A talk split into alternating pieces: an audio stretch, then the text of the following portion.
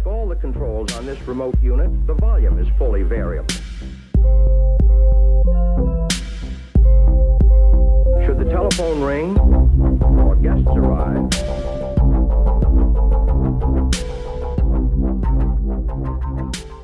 Hur vanligt är det med sepsis bara generellt? Vet ni? Har ni någon aning? Är det två er till tre per tusen per år? Ungefär det. Ja, 280 per 100 000 per år. Jämfört med andra vanliga folksjukdomar, hur vanligt är det? Har du någon uppfattning? Tredje vanligaste direkta dödsorsaken. Eh, lika vanligt som eh. Evidensmässigt. Mortalitet 30 procent? 30 procent. Jämfört med ST-höjningsinfarkt som är 10? 8. Jämfört med intensivvårdskrävande multitrauma, kniv i huvudet, som är 50? 4. 4? Ja, 4 till 8. 15. Det är, det, det är akut coronarsyndrom som är 4 till 8. 15 procent. Det är väldigt, väldigt bra på de andra. De, de mortaliteten har ju sjunkit sinnessjukt mycket. Eh, multitrauma och akut coronarsyndrom. Och varför pratar jag om dem då? I relation till sepsis. Mer allmänt kända? allmänt kända ända P- från P-hospital ända in i hela flödet. De där flödena är ju extremt bra. Eh, Multitrauma, varenda människa på kulturen vet exakt vad de ska stå, exakt vad de ska göra. Prehospital vet exakt vad de ska göra. Men det vet ju inte vi här. En annan jättestor skillnad är förstås möjligheten till kausal behandling det är ju lättare att öppna ett stängt lungkärl än behandla den här sjukdomen som är lite mer komplex. Eh, men men eh, va- varför blir man så sjuk då sepsis? Det kan ni säkert också berätta för mig. Vad är orsaken? Endotoxiner, proppar, dick, eh, you, Ja. name, you name it, we got it. Just det.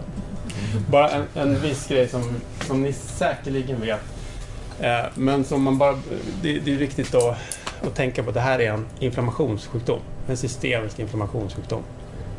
Det är inte primärt liksom bakterierna som gör oss sjuka. Det har vi vetat de senaste hundra åren, men det är inte alltid eh, götcha. Det är inte det som vi ska tänka på. För hundra år sedan när Coley kokade bajs, eh, gjorde han renade bajset, eh, sköt in det på cancerpatienter Man hade lite friare liksom, kliniska prövningsmöjligheter eh, då. Eh, så såg eh, Coley att den här patienten blir precis lika sepsissjuk som om man bara skjuter in bajset okokat. Coleys toxin, det har visat sig vara mycket effektivt och minska sarkomstorlek eh, hos sina patienter.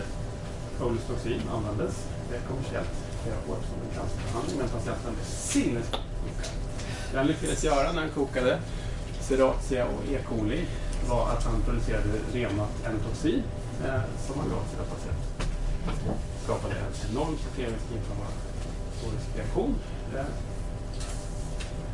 som ledde till mycket bildning av tumor necrosis factor, vilket ju faktiskt är väldigt effektivt och, och minskar eh, snabbväxande cellstorlek. Vi såg då att den största, man, man kan kopiera den kliniska bilden helt enkelt med bakteriebeståndsdelar. Eh, det kallas för den generaliserade Schwarzman-reaktionen. Och orsaken, vi behöver bara repetera inflammatologi lite grann.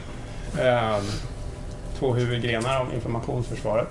Adaptiva delen eh, med lymfocyterna som bildar antikroppar, långsamt, specifik. Den naturliga delen av immunförsvaret, innata delen av immunförsvaret med granulocyterna. Ospecifik, oerhört snabb, oerhört aggressiv. Eh, och det är förstås den här grenen av immunförsvaret som, vi, som eh, ger eh, sjukdomsbilden eh, vid sepsis. Jag gillar den här bilden faktiskt. Försöker likna våra två delar Vi, vi såg olika typer av eh, poliser. SWAT-teamet, den innata eh, immuniteten. Dendritceller granulocyter, makrofager, monocyter. Ger upphov till den kliniska bilden. Inte så mycket den adaptiva immuniteten, antikroppsreaktionen. För den är ju långsam. Antikroppsbildning som leder till specifik avdödning av, av mikroorganismer. Den tar, den tar ju lite tid. Hur lång tid tar det när man inte har träffat ett agens tidigare? Kommer ni ihåg det från immunologikursen? Från att man har sett agensen till att man har en fullgod avdödning. Fem dagar. Och när man har, det är innan man har IgE-antikroppar som kan leda till ett snabbt IgM-svar. Och när man har det då, och redan träffat på, som vi har allihopa, de flesta, ja, så tar det ett halvt dygn ungefär innan fullgod adaptiv immunitet är igång. Men den innata immuniteten är ju omedelbar. Syftet är att identifiera hotande molekylstrukturer, avgränsa, lokalisera och förgöra hotande molekylstrukturer. Det Leder till förstås inflammation som ni kan eh, den är lokal, lokaliserad. Och den nuvarande förståelsen av sepsis säger att det här är ingen lokal avgränsad inflammation utan den är systemisk, utspridd. Det den kliniska bilden. Eh, hur känner den innata delen av immunförsvaret igen hot? Det här är oerhört svårt. Eh, men ni har säkert hört talas om DUMPs och PUMPS någon gång. Danger Associated Molecular Patterns. Eh, som är små delar av molekylstrukturer som liknar varandra på något sätt. Som vi känner igen som hot. Det är ingen skillnad i vilka receptorer de binder till om de är, eh, om de är kroppsegna eller från mikroorganismer. Så jag tittar på en sån bild snart. Paul Matzinger för typ 30 år sedan skrev en, en, en liksom review om eh, hotteorin. Danger Theory of Information. Vi har en rad pathogen associated molecular patterns hos mikrober. Vi har ett antal dangerous associated molecular patterns i, i, eh, kopplade till nedbrytning av vanlig vävnad eller, eller våra inflammationsämnen. Uh, vi har en rad olika pattern recognition receptors i, hos våra granulocyter som känner igen korta molekyldelar. Kändaste, en av de absolut viktigaste eh, receptorfamiljerna är TLR-receptorfamiljen, Toll-like receptors. 13 kända i, i människan. TLR4 till exempel, den binder till enotoxin hos gramnegativa bakterier, peptidoglukan och candida, eh, heat shock-proteiner från nedbruten vävnad, S100-beta från neurotrauma. Alla de här molekylerna binder till samma toll-like receptor, leder till samma reaktion hos våra granulocyter, makrofager och dendritceller. Den reaktionen aktiverar transkriptionsfaktorn NF-kappa-beta och leder till uppreglering och produktion av massa cytokiner. cytokiner. TNF-alfa och prostaglandin Det blir en liten explosion av cytokiner när granulocyter träffar på DAMPs och PAMPs. Eh, Den här toll-like receptor finns alltså på makrofager? Monocyter, dendriter, granulocyter. Mm. Det som händer när en eh, immuncell träffar på den här och skickar ut cytokiner eh, är ju att cytokinerna i sig uppreglerar övriga eh, innata immunceller. Bildandet av cytokiner i blod leder till en, en, en koncentrationsgradient av de här cytokinerna. Vilket gör att andra vita blodkroppar kan leda, drar sig eh, mot mot skadan, mot inflammationen. Man får en koncentration av immunceller till eh, en aktiverad monocyt eller granulocyt. Eh, proinflammatoriska cytokiner förutom att aktivera andra immunceller, aktivera vaskulärt endotel så att det blir mer luckert. Vilket gör att granulocyterna kan ta sig in i vävnaden. Aktiverar endotel i lungan, aktiverar hepatocyter, ställer om kroppen till inflammation. Förutom det så är de också direkt, eh, direkt skadliga mot mikrober och mot celler. Tumor necrosis factor alfa, den, den, är, le, den leder till apoptos och nekros hos snabbväxande celler. Cancerceller och mikroorganismer också. Det här är liksom grunden till inflammationsreaktionen man säga. Just endotoxin, det är, det är 75 procent av gramnegativa bakteriers eh, yttre cellvägg utgörs av lipopolysackarider eller endotoxin. Det är liksom hela deras cellvägg. Gramnegativa bakterier delar sig eller dör på grund av eh, cellväggsdödande antibiotika. Så kommer det ut endotoxin i dess omgivning. Alltså antibiotika som har cellväggsfokuserande egenskaper som penicilliner, cefalosporiner och carbapenemer. De leder till en initial endotoxinutsöndring. Det leder till en ökad inflammation. Medan kärnspecifika antibiotika som aminoglykosider inte gör det. Då dör mikroorganismen på ett annat sätt. Så att olika antibiotika leder till olika inflammationsreaktioner också. Lite rapsodiskt den här i inflammatologi. Inflammatoriska mediatorer finns i väldigt stor eh, flora. Inflammation kan, är väldigt tätt kopplat till koagulationssystemet. Det funkar på samma sätt kan man säga. Väldigt, om man går tillbaka till liksom, eh, evolutionen långt ner, till exempel till dolksvansen. Dolksvansen är ett jävligt häftigt djur. Den, den är oförändrad, den är äldre än dinosaurierna och äldre än fröväxter. Oförändrad fortfarande. En av fyra eh, fylum i, eh, i familjen som innehåller insekter, spindlar, snäckdjur och så hästskokrabbor. Dolksvansar. Dolksvansar har ingen skillnad i inflammationssystemet och koagulationssystemet. Det är ett system.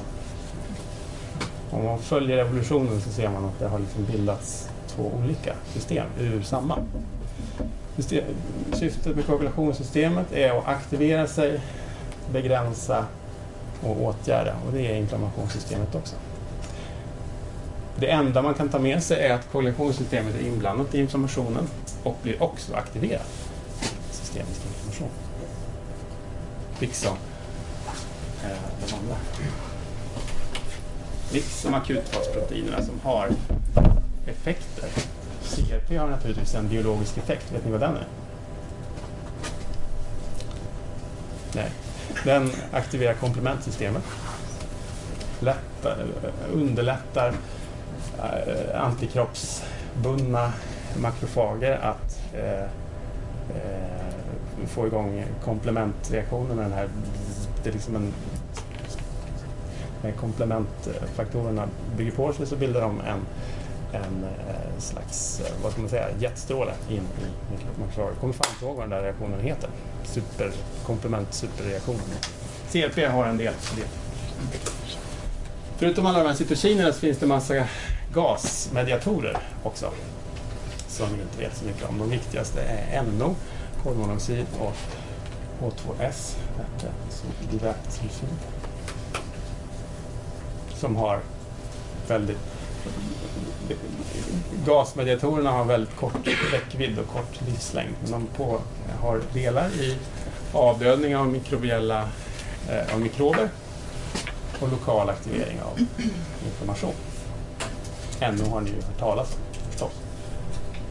Det finns ett skäl till att inducerbart NO-syntetas eh, induceras i väldigt hög grad i, i samband med eh, inflammation. Dels får man en vasodilatation men dels får man också en förbättrad mikrobiell avdödning av ämnet.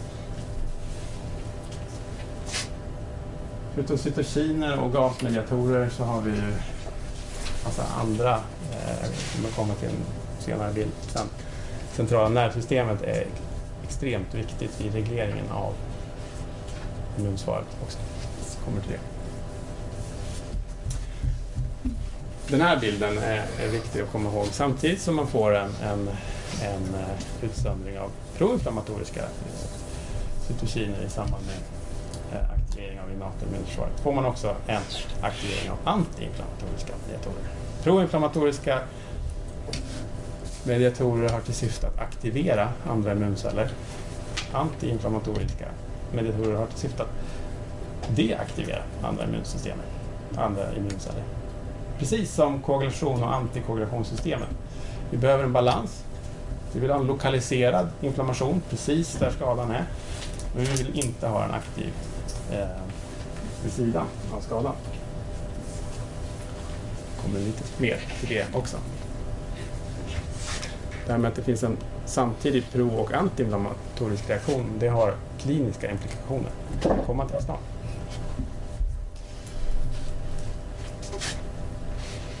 Lokalisering av hotet beror eh, en, en förutsättning för att immunsystemet ska kunna lokalisera hotet är att det finns en gradient av cytokiner i blodet. Att det faktiskt finns en lokaliserad infektion som leder till en först lokaliserad proinflammation som leder till en gradient av, av proinflammatoriska cytokiner högst där skadan är och mindre downstream. Det är förutsättningen för att, att immunsystemet ska kunna koncentrera sig och lokalisera, avgränsa och förgöra det här hotet. Om den där gradienten inte finns, då har vi bara en generell eh, aktivering av inflammationssystemet. Så vi förstår eh, utvecklingen av, av sepsis idag. Att gradienten saknas.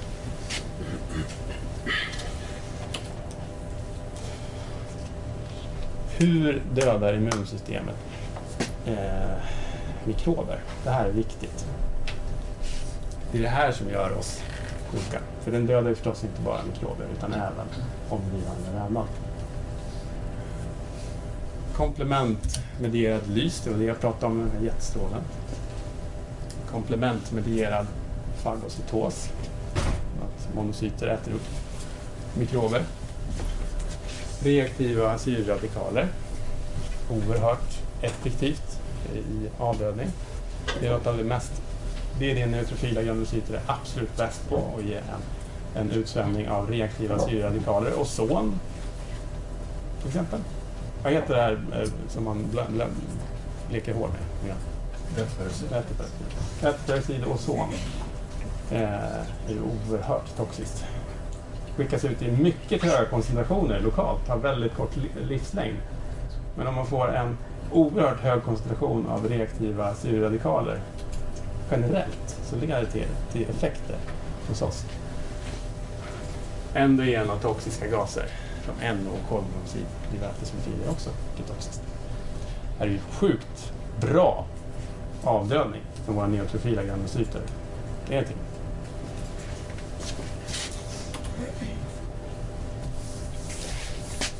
Som jag sa från början så får vi en antiinflammation samt antiinflammatorisk reaktion samtidigt som vi får den proinflammatoriska reaktionen med syfte att kunna också avgränsa inflammationen i övrigt.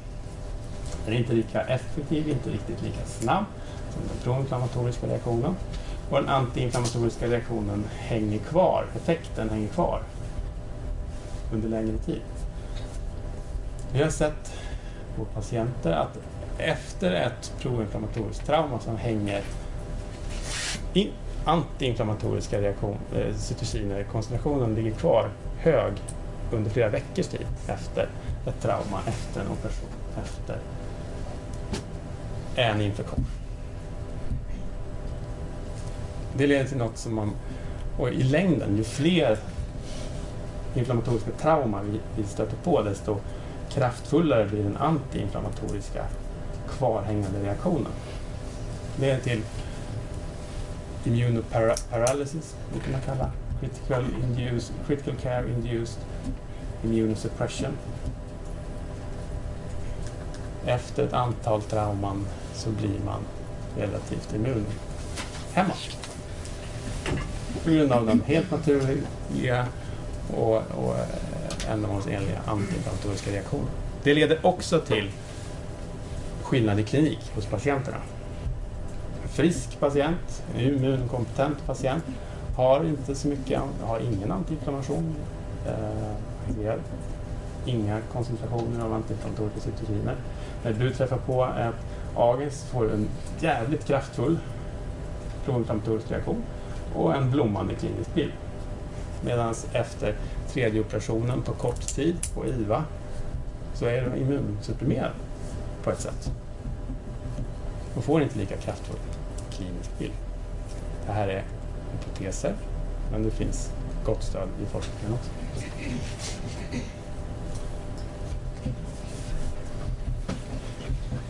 Centrala immunsystemet, eh, det centrala immunsystemet, centrala nervsystemet, är väldigt, det här har vi bara börjat nosa på kunskapen kring, men CNS är också med och hämmar och stimulerar immunreaktioner i kroppen.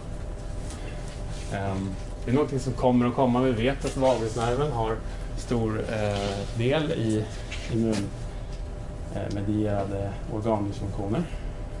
Om man påverkar vagusnerven i djurmodeller så får man mindre organdysfunktion av ett skäl som vi inte riktigt vet. Vi vet bara att CNS är eh, klart involverat i systemisk inflammation och reglering av det.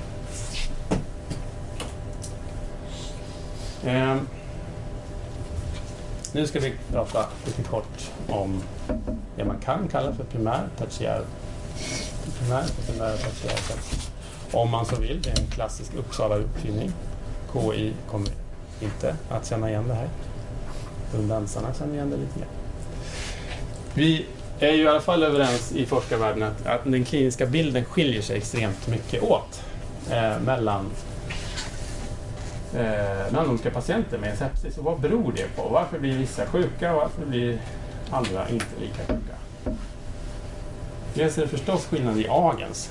Olika agens är olika virulenta, olika potens att aktivera systemisk inflammation.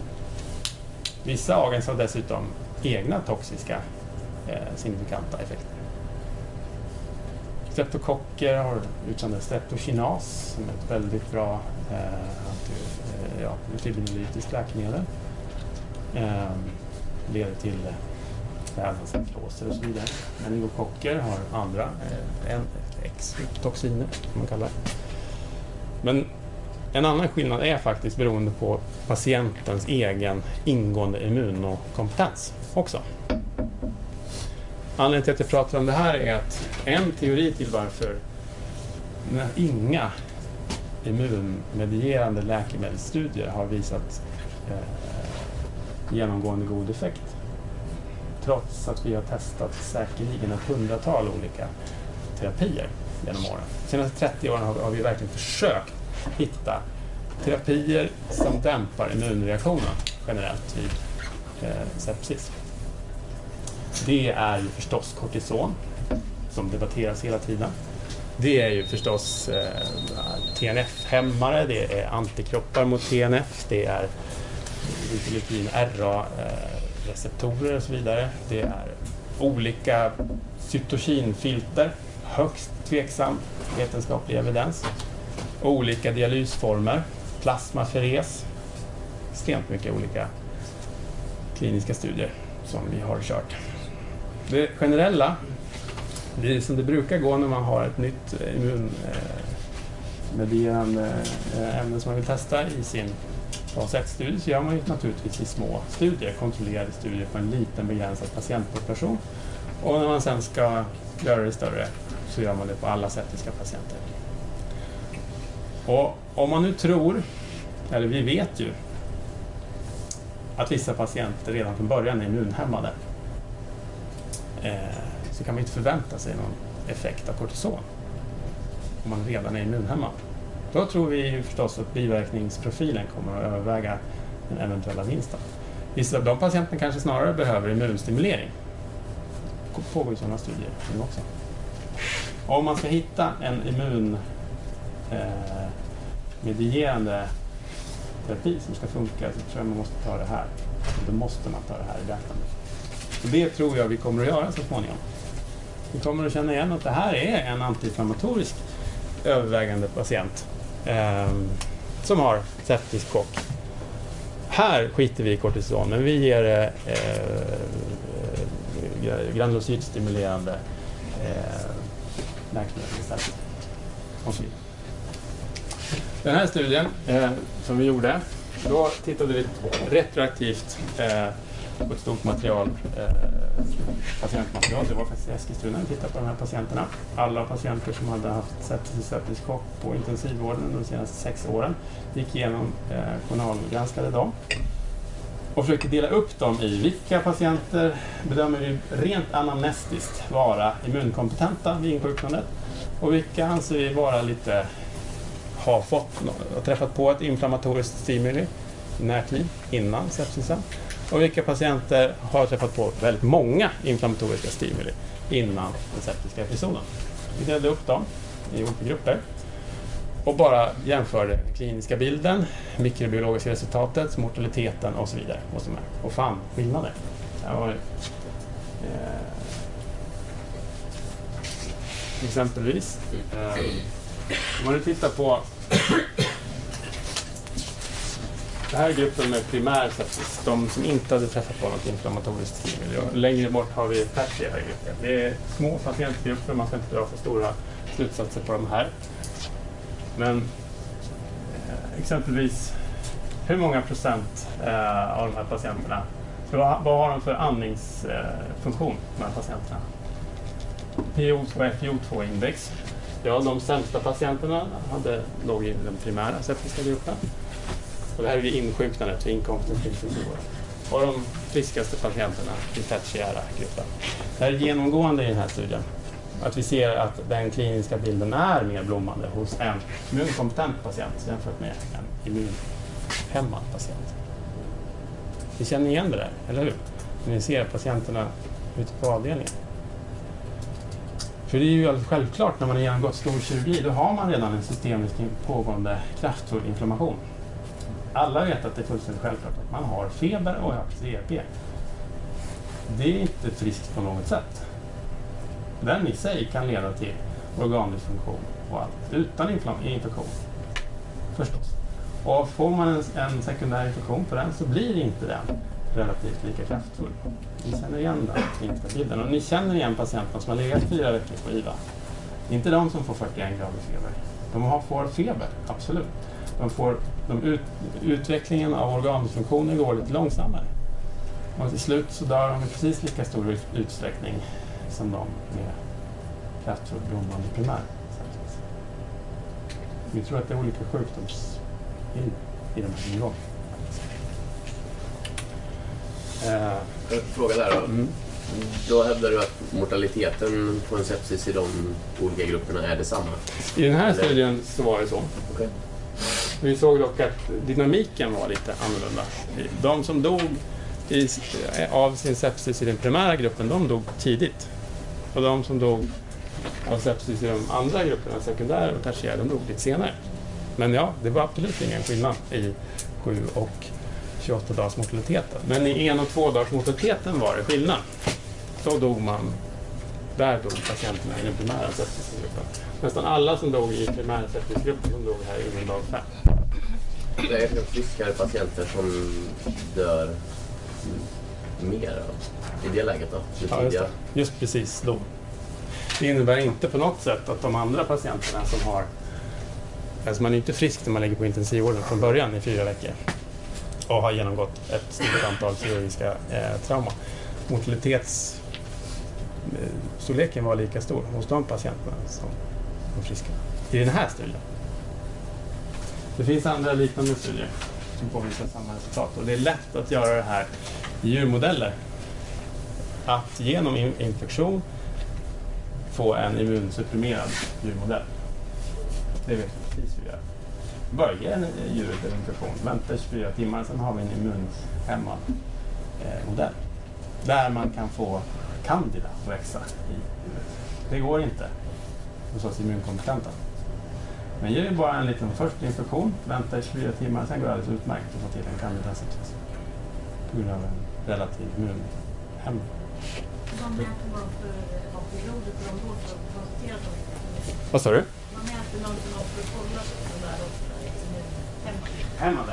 Det är ju liksom eh, halter av antiinflammatoriska cytokiner, reaktioner.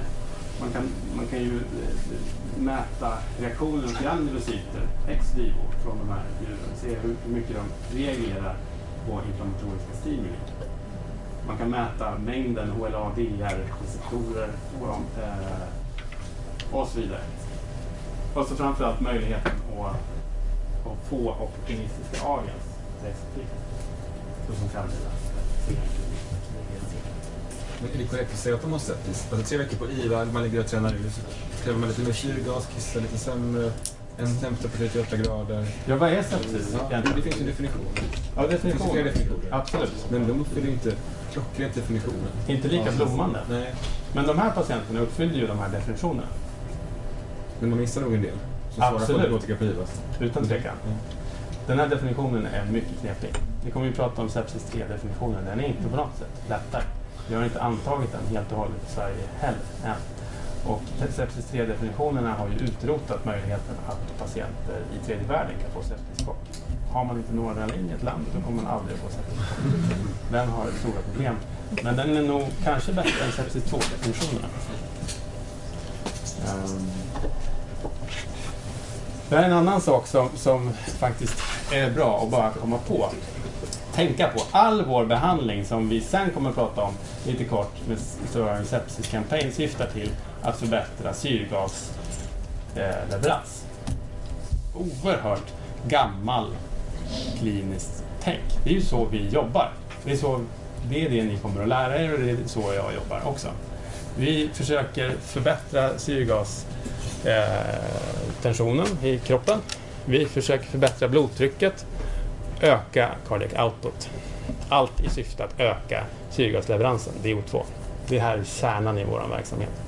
Problemet med det är ju att det finns andra orsaker till organsvikt vid sepsis som kanske är övervägande.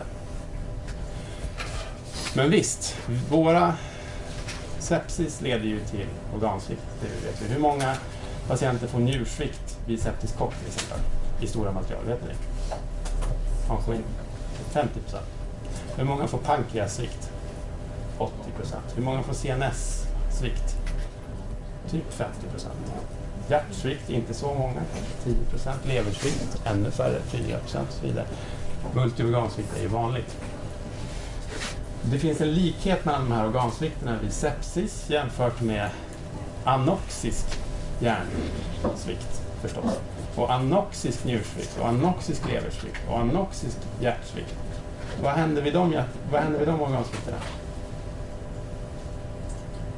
Som beror utan tvekan på brist på syrgas. Vad händer om vi får en hjärtinfarkt?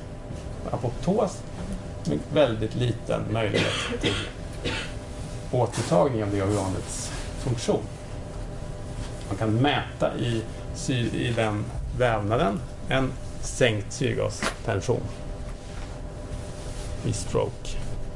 Sänker syrgastensionen i centralnervsystemet i trombotiskt drabbade områden. Och den är död sen. Så är det inte vid sepsis.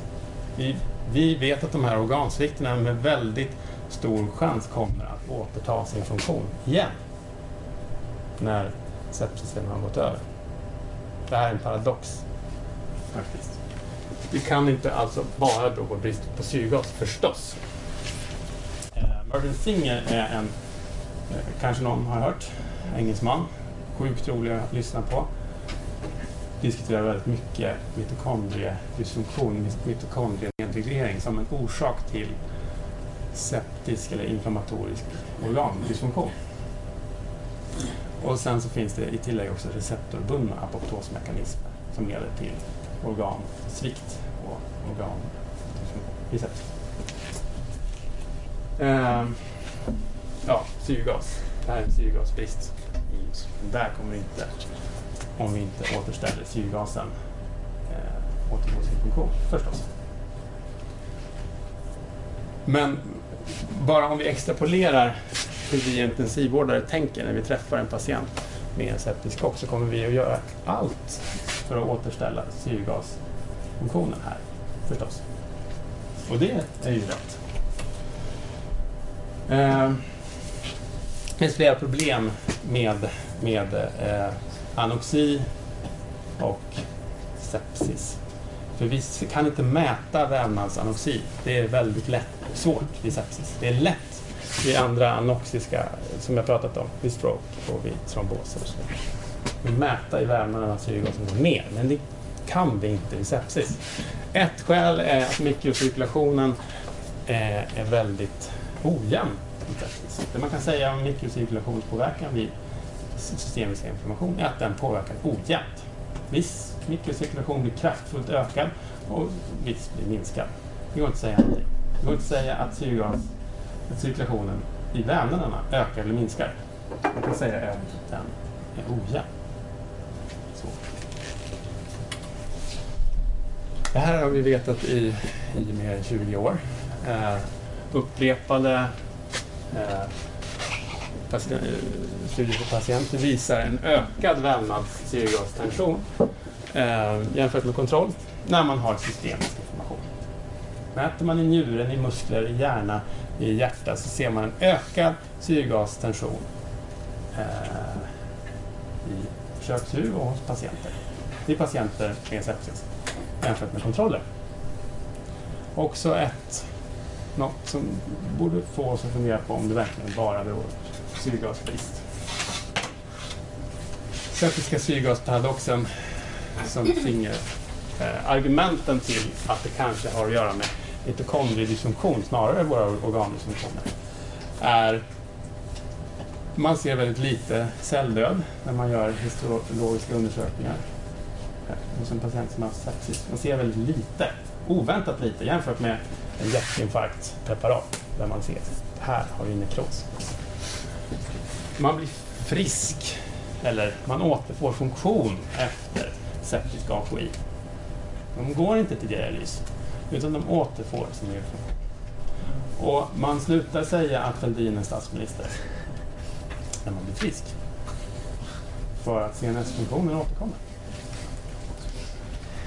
Och så har man som sagt ökad syrgastension i, i vävnader. Ehm, och vad är liksom teorin mer och vad ska vi göra med den här tanken?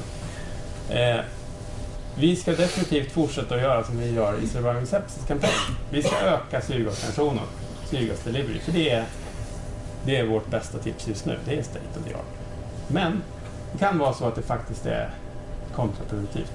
Det vet ni ju, ja men nya Swedeheart-studien, inte ens vid, vid pågående hjärtinfarkt så, så ser man någon, eh, någon vinst med att faktiskt sätta på syrgas på patienterna.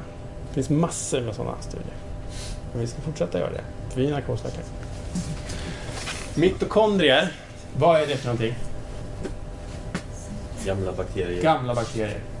95 procent av vår syrgas konsumeras av gamla bakterier, mitokondrier. Eh, en teori är att eh, mitokondrierna i sig faktiskt går in i en hibernering. Man kan se det, en autonedreglering hos mitokondrier i elektrontransportkedjan vid inflammation. Skälet vet jag inte riktigt. Men syrgas är ju toxiskt.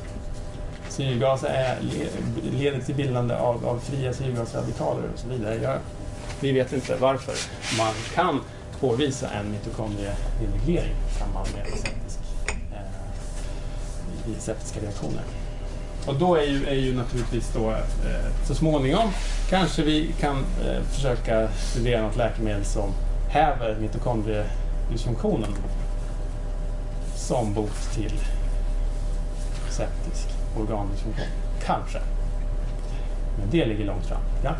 Det är som teorin att mötas av reaktiva radikaler ska inte syras. Och det är därför mitokondrierna stänger ner för att bilda mindre.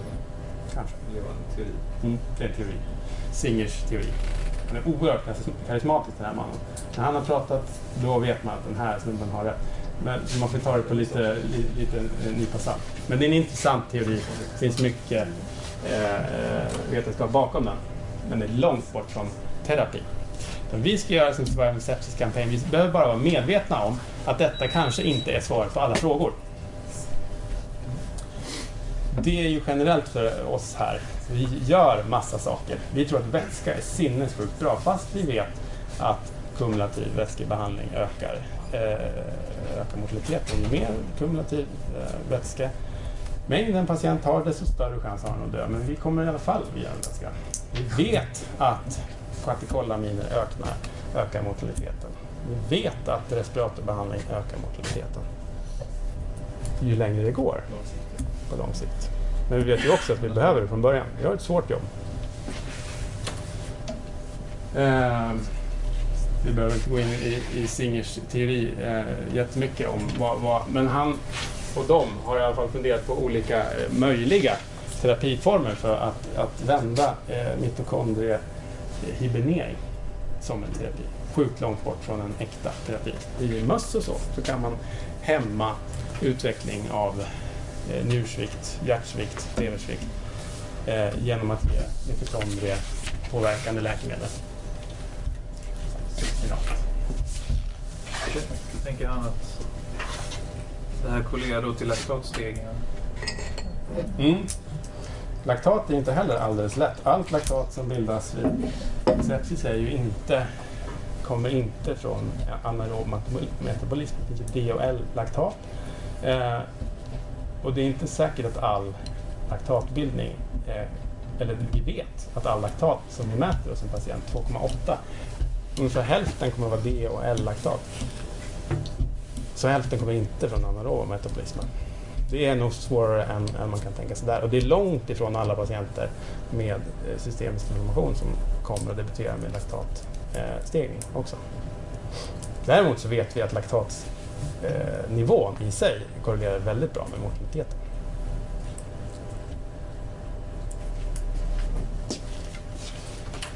Eh, apoptosmekanismen hos proinflammatoriska cytokiner är också skäl till organdysfunktion. Men med, sam, eh, med, som till exempel tumor necrosis factor. Innan det hette tumor necrosis factor så hette ämnet cytokinen kakexin. Eh, det är liksom effekten på patienten under lång tid. Man får eh, TNF eh, TNF-alfa hör till TNF-superfamiljen som binder till det som man kallar för death receptors på massa olika receptorer och leder mycket effektivt till apoptos. Förmodligen är inte det här den största skälet till organfunktion heller, liksom syrgas. Eftersom det här leder också till irreversibel vävnadsskada. Men det är också ett skäl till varför våra organ dör. Eh, nu så ska vi fika efter att ni får smälta lite grann av det här. Sen ska vi prata kort om Surviving Sepsis Campaign.